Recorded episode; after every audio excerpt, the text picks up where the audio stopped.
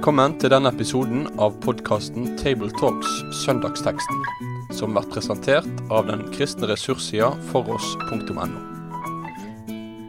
Da ønsker vi velkommen til en ny utgave av Tabletalks, gjennomgåelse av søndagens tekst.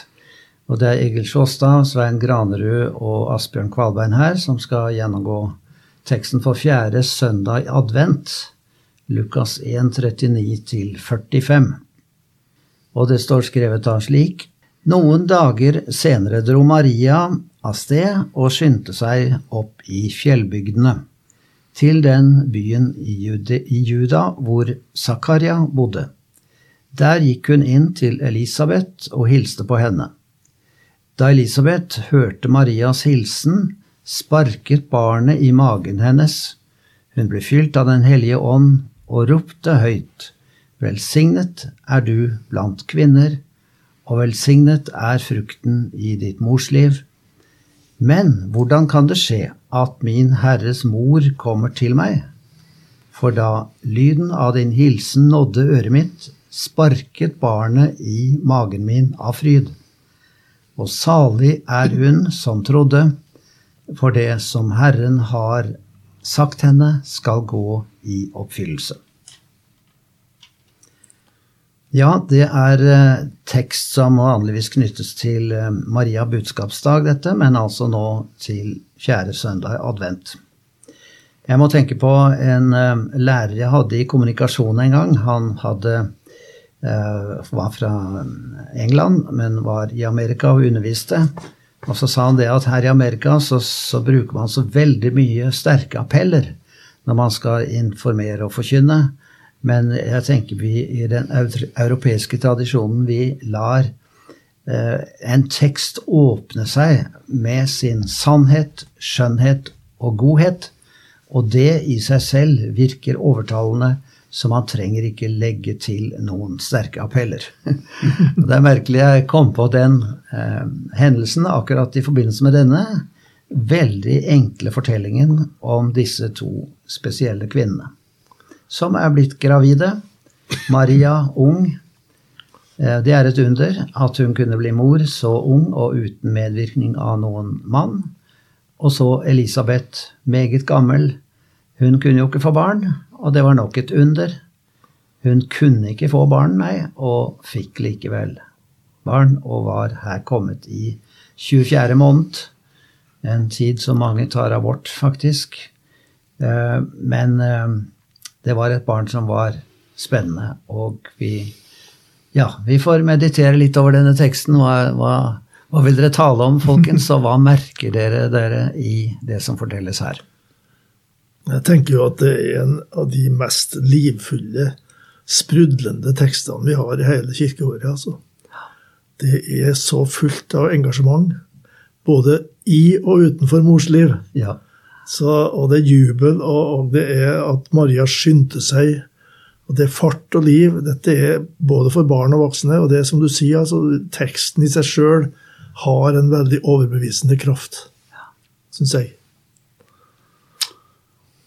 Ja, vi sitter jo her tre mannfolk, da, som, eh, som uh, kommer ikke mer enn sånn tett på uh, akkurat dette her. Uh, vi er jo fedre, da. Ja, jeg skulle til å si det.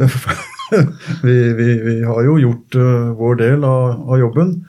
Men, uh, men, her er det konene som, uh, som møtes, og, og, de kjenner altså livet som begynner å vokse inni seg. Og vi som vært fedre, vi har i hvert fall vært ganske tett på og har noen fornemmelser mm.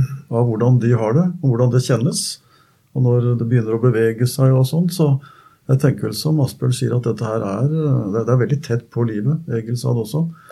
Så kanskje vi skal bruke litt tid på å anskueliggjøre det.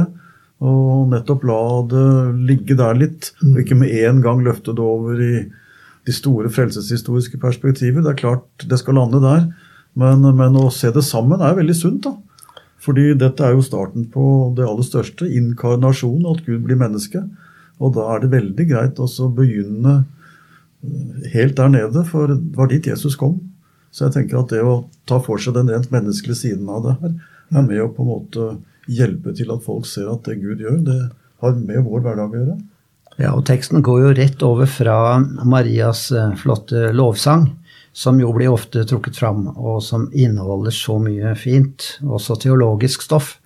Eh, og at den unge jenta kunne si noe så fint og vakkert, det er jo flott. Og så kommer du liksom rett inn i hverdagen. Hun hadde altså fått høre at uh, du skal bli mor til et barn. Og hun hadde fått høre det er ingenting som er umulig for Gud. Og så sier hun, 'Jeg er Herrens tjenestekvinne. La det skje med meg som du har sagt.' Og engelen forsvant, og det var liksom toppen av åpenbaring. Og hva gjør hun da? Hun skynder seg opp. Altså det er sikkert både at hun må skynde seg bort fra folk og komme avsides alene fra folkesnakk, kanskje, men også å søke tilflukt hos en eldre kvinne som kan gi henne litt støtte og råd. Ja, og de hadde jo felles skjebne på en måte. da Begge var gravid. Jeg har sett det noen gang eh, når en gravid kvinne møter en annen gravid kvinne, så har de alltid samtaleemne. Ja. De, de er alltid noe som knytter de to sammen, sjøl om det var stor forskjell i alder. Og den samtalen er ikke vi helt delaktig i. Nei, vi er ikke det. Da er vi Nei, vi litt sånn, eh, sånn på tredje nivå. Ja. Men jeg har, Det er det. sist jeg preka over den teksten her, så brukte jeg litt tid i starten på at uh, i hvert fall i min oversettelse står det 'barnet i mors liv'. Barnet i mitt liv. Eh, det tror jeg er veldig viktig at vi iallfall ivaretar språket her. Altså at det som finnes i eh, mors liv etter unnfangelsen, det er et barn. Ja. Det, det forutsettes, og da kan vi bygge opp om en måte å tenke på om, om eh, fosteret da, som et eh, barn med menneskeverd. Det tror jeg den teksten her gir oss en mulighet til, uten at det er et hovedpoeng i, i, i den. da. Er du ikke enig i det, Svein? Har ikke Jo. du vært med i Menneskeverd? Jo da, det har jeg vært, vet du. Og vi eh, har kjempet og skal fortsatt kjempe for eh, det ufødte barnet. For det blir jo så forferdelig galt når det bare blir eh, en del av en annen kropp. Jeg tenker at vi skal snakke opp kvinnen og morsrollen. Det kan ikke vi løfte høyt nok. Den oppgaven som de har. Men det er så trist at det blir et motsetningsforhold mellom henne som bærer det nye livet fram, og det livet som eh, som blir på en måte gjort til noe som eh, en kvinne selv skal ta ansvar for om hun skal få leve eller ikke. Så vi har sviktet både kvinnen og barnet, tror jeg, når vi reduserer barnet til noe som, som ikke har en selvstendig livsrett og et eget menneskeverd. Eh, Samtidig så tror jeg ikke vi skal la prekene bli en type sånn ideologisk kamp, for da vil våre tilhørere fort oppleve oss som noe annet enn det vi er. Så vi må finne en måte å tale på som gjør det på en jordnært og tillitsvekkende, og det, det tror jeg vi skal klare. Ja, vi kan jo følge opp også det som fortelles at dette barnet, som det står i oversettelsen, ikke fosteret, men det står at barnet sparket i magen hennes. Eh, Det har vel vi som også pappa har opplevd å kunne kjenne på en morsmave, hvordan det gir et lite trykk av et eh, spark. Men det at det var en reaksjon eh, som vel var gudskapt, men også det at barnet i magen kan oppfatte, det har vel også vitenskapen i dag funnet noe om. At eh, hvis du spiller klassisk musikk for et eh, barn i mors mage, så kan det komme til å bli veldig glad i musikk, f.eks. Man har forsket litt på sånne ting. Så dette å oppvurdere barnet som det store Guds under, det tror jeg vi kan gjøre uten at vi provoserer veldig mye. Så passe på å få sagt mye om de to som er unnfanget her, da. For det er jo til syvende og sist hovedsaken, nemlig at den ene sparker av fryd for den andre. Ja. Når jeg var på leir her en gang på Hurdal verk, så barneleir, så fikk jeg to jenter til å omfavne hverandre. Eh, som en slags dramatisering av dette her. altså. Så snakka vi om hvordan den, den enes mage sparka av fryd over det som var den andres. De var så tett, bare tre-fire centimeter mellom de to. da, Og det gjennomsyrer deres virksomhet resten av livet. At den ene sa om den andre 'han skal vokse, jeg skal avta'. Fryden over Jesus. ja. Det ble en liten digresjon, kanskje, men det, det er viktig. Det, det er jo mulig, hvis vi vil eh, løfte fram perspektivet på menneskeverdet. At Vi kan minne om Salme 139, sitter her og tenker. Hvor eh, det heter at eh, da jeg ennå var et foster, så så du meg. Ja, før, mine, før jeg ble til i mors liv, så kjente du meg, og dagene mine var talt opp. Eh, Jesus er jo i en annen posisjon, for han er fra evighet, men vi andre, vi, vi var ikke noen som Gud plutselig oppdaget sånn tilfeldig. Han hadde oss i sin tanke og bevissthet selv før vi ble til i mors liv. Så dette er jo også noe vi kan ta med her, tenker jeg. Heller ikke det som en sånn ideologisk markering, men for å løfte opp hvor verdifulle vi er, alle sammen. Så nei, er, vi må ta med det her, dette perspektivet på, på hva disse to er uh, verdt. Men de ble veldig tette, da. Det ble det. Jeg tror det er riktig hvis en eh, skal tale over denne teksten, at en tar med litt av det store overblikket her. Hvordan um, engelen kommer både til Gabriel og til Elisabeth. Og uh, Gabriel er ikke nevnt så veldig mange ganger ellers, men han har en viktig funksjon her som en erkeengel og har et uh, budskap å bringe. Og det er, som dere pekte på, en veldig kontrast mellom disse to kvinnene. da.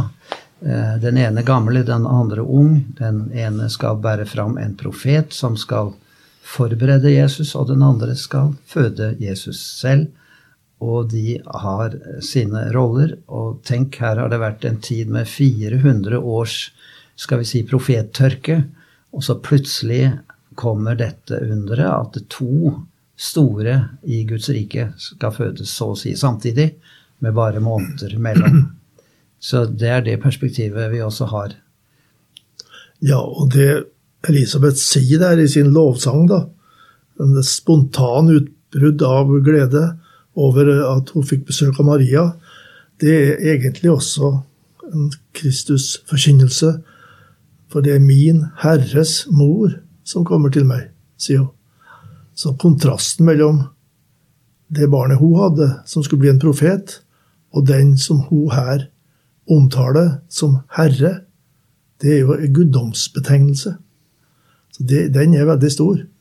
Og det er også et poeng i teksten, at hvem er Jesus? Han er Elisabeths herre, den hun var vant til å be til som lita når hun ba til Gud. Ja, så det er en underlig innsikt hun må ha fått med å skjønne og se det, hva som her var i ferd med å skje. Det underlige er jo at hun var gift med Zakaria, og han var prest, og han eh, var tvilende til det at eh, Elisabeth skulle kunne få barn. Og fordi han var tvilende, så ble han jo stum, som vi vet. Eh, men det, skal, det som jeg har sagt, sa Gabriel, det skal gå i oppfyllelse når tiden er inne. Og når tiden var inne, så fikk han skjønne hva som foregikk. Men antagelig har Elisabeth fått en åpenbaring mer direkte fra Gud om hvem Jesus er.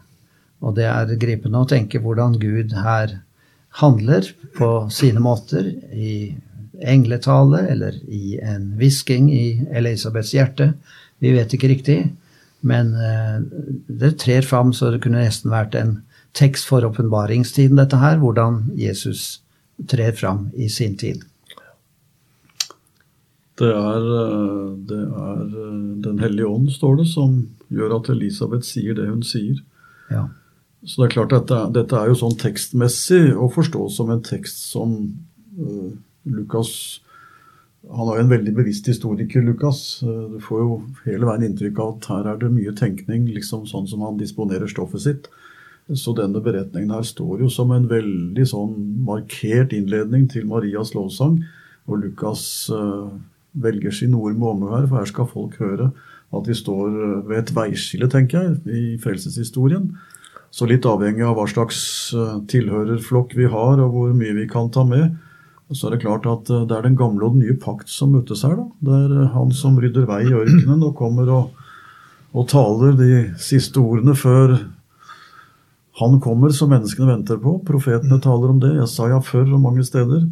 Vi, vi, kan løfte fram disse tekstene også, plassere det i den store sammenheng. Det avhenger litt av hvilken uh, sammenheng vi forkynner i, men det er noe veldig fristende også å dra det store perspektivet her. Her møtes den siste av profetene som peker på han som skal komme. Og det er ikke et brudd i frelseshistorien, men det er likevel en ny etappe som begynner. En ny pakt. Så her kan vi legge inn mye hvis vi vil, og det får vi nå vurdere, da.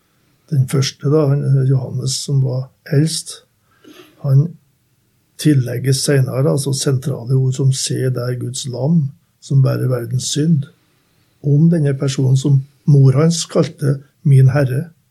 Det er veldig mange perspektiv her. Og når døperen ble spurt er du Messias, så, så nekta han på det, og så begynte han å tale om seg sjøl som en forlover til en brudgom som gifta seg med en brud. Det var når de Johannes-disiplene som har hørt om Jesus, dro til Jesus og slutta seg til flokken omkring Jesus. Da fryda han seg, for da var det den, den rollen hans fra den gamle pakt, det var å peke på den som nå kom. Se der, Guds lam, Jesus. Ja, og han får av Jesus høre, eller de, Jesus sa iallfall at han er den største av dem som er født av kvinner. Ja, det altså. Så Jesus løfter han høyt opp, men den minste i himmelriket er større enn han. Så, så, vi får noen dimensjoner her som virkelig får oss til å steile litt. Men kanskje ikke det er så galt å la disse tingene speiles litt her.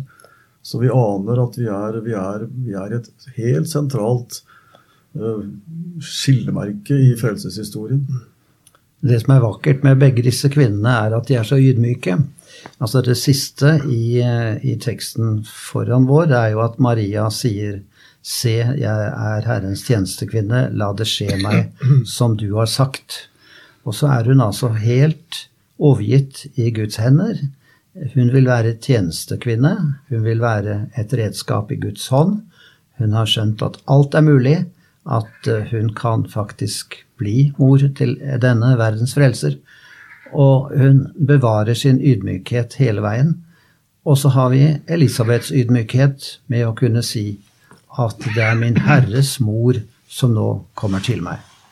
Så det er, eh, det er slik vi skal ta imot Jesus. Det er slik vi skal ta imot Herrens ledelse med våre liv.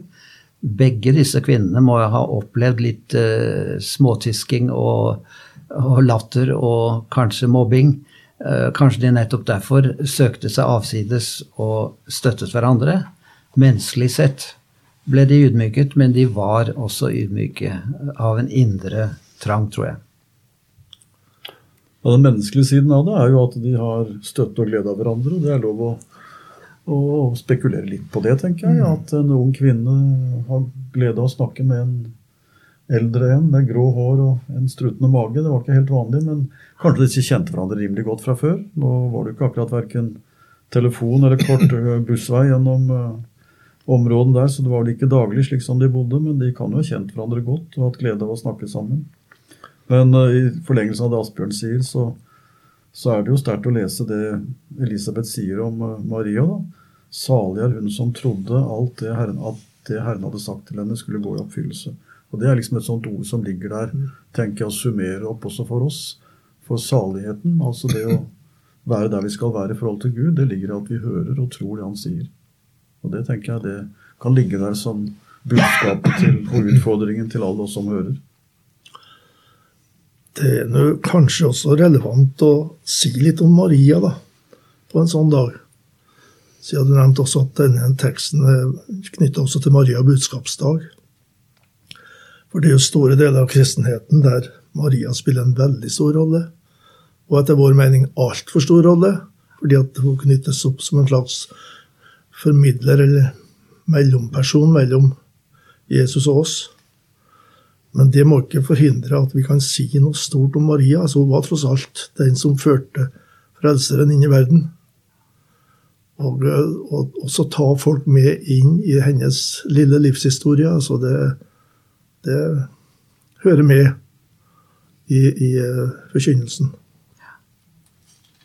Hun er et forbilde. Forbilde, absolutt. Det fins ikke mange bedre forbilder. Høre det Herren sier, og si ja, men da får det bli som du har sagt. Det er ikke alltid det er enkelt å si. Selv om vi har mye mindre utfordringer enn det hun fikk. Ja, du Svein, pekte jo på vers 45, det, det som Elisabeth sier. Salig er hun som trodde. For det som har, Herren har sagt henne, skal gå i oppfyllelse.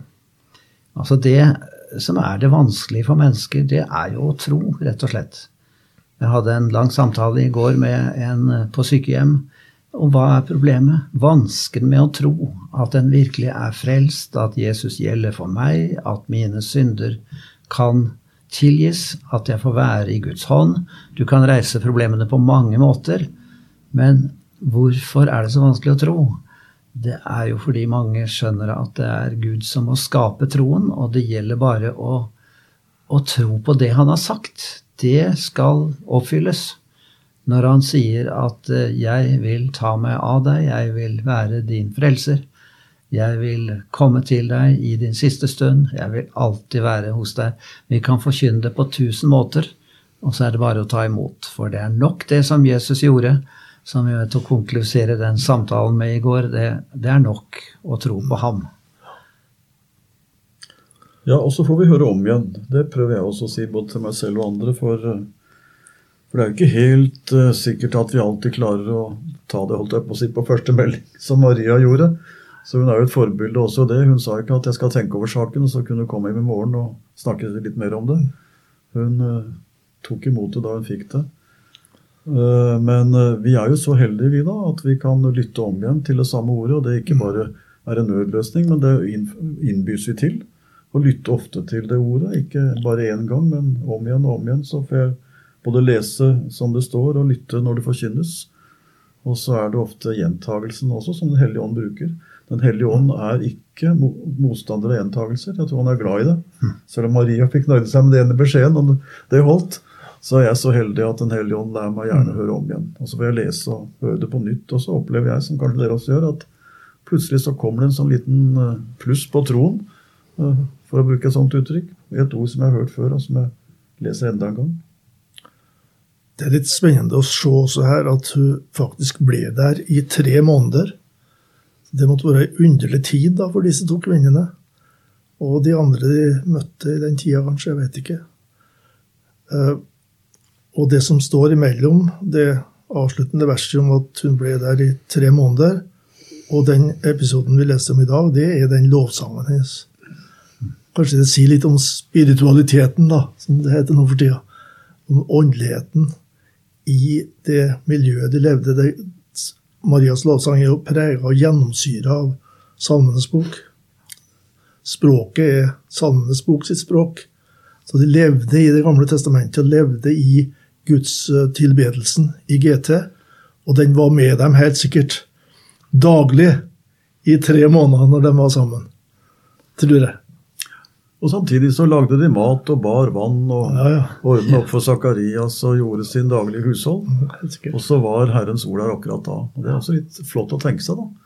At det går an, og ikke bare går an, men det er kanskje idealet, å ha den himmelvendtheten midt i hverdagens sysler. Det tipper jeg at disse to damene hadde. Så det hadde vært flott å være en fugl som fløy over og sett hvordan de levde disse hverdagene sine med kanskje litt vondt og litt Hva er det heter for noe, da? Du kan få både litt sånn vondt i Kvalme og forskjellig. Ikke sant? Ja. Så, og samtidig så var de der og levde hverdagen, og så delte de troen. Det er flott. Så på en måte er det en inspirasjon til eh, å dra på retreat, eller dra ja. til fjells litt ensomt, ja. og møte sine folk og venner. Det, det, står jo forklart at de var i slekt, disse to. Jeg måtte slå opp hva, hvordan var de i slekt, og det er det ikke noe klart svar på. Fordi at um, uh, han var jo prest, Zakaria. Og eh, kan Maria ha vært i presteslekt? Ja, det er jo en teori. Noe annet er jo at eh, han kan ha vært av Davids slekt. I hvert fall så var Eh, Josef han var av Davids eh, slekt, slik at Jesus også ble regnet som det. Så jeg tror ikke det er helt eh, klarhet i dette, men de sto hverandre nært på en måte, så det var ikke bare å banke på døra. De, de kjente hverandre, hadde hatt kontakt.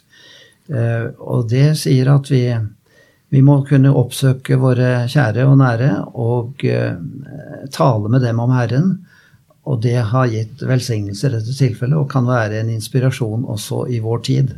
Å møte til åndelig samtale og opplevelser. Men eh, hvordan ville dere talt eh, over den teksten, brødre, hvis dere skulle stå på en talerstol? Det er rett før jul dette skal, denne søndagen kommer. Ja, jeg vet ikke. Hvis jeg skulle ha tala her nå i, i, år, så ville jeg ha starta med det der møtet mellom to gravide. For da får du alle i tale. Eh, enten de sjøl er troende eller ikke. Så er dette rett midt i livet. Og så kan du gå derifra til hvem var disse to? Og så kunne en kanskje få forsamlingen med seg til å, til å skjønne litt av det perspektivet som, som er over dette kapittelet. altså. Og du Svein, vil du vinkle på annen måte? Nei, vi er nok på, på samme arena her. Det er jo det er, Du kan jo på en måte ta den livsnære starten her, hvor vi forsøker å nærme oss disse to i deres eh, hverdag. Og så har vi det mer eh, hva skal jeg si, bibelteologisk dogmatiske, da, å løfte fram hvor vi er i frelseshistorien her. For vi er jo et av de virkelig store veikryss i frelseshistorien. Mm. Så løfte fram det, hvis vi kunne Det avhenger jo litt av hvilken setting vi forkynner i, selvfølgelig. Jeg ville nok prøvd, prøvd det. Og så kanskje tale litt om disse to kvinnenes forbilledlighet. Det har vi nevnt, og det, det er ikke dumt å få forbilder heller, altså. Og så vil jeg forkynne evangeliet. Evangeliet er jo at dette skjer for vår skyld. altså Når vi er her i kirken eller på bedehuset eller hvor vi er i dag, så er det fordi disse to var lydige, og så handlet Gud gjennom dem, som han har gjort gjennom sine folk gjennom hele frelseshistorien. Derfor kan vi høre og ta imot både Johannes sitt vitnesbyrd og Jesus sin frelse. Og Hvis du sliter med å ta imot, så får du høre det om igjen og om igjen. ville jeg nok ha sagt. Ja. Fint. Da takker vi for samtalen og ønsker dere alle en god søndag. Med det sier vi takk for følget for denne gang. Finn flere ressurser, og vær gjerne med å støtte oss på foross.no.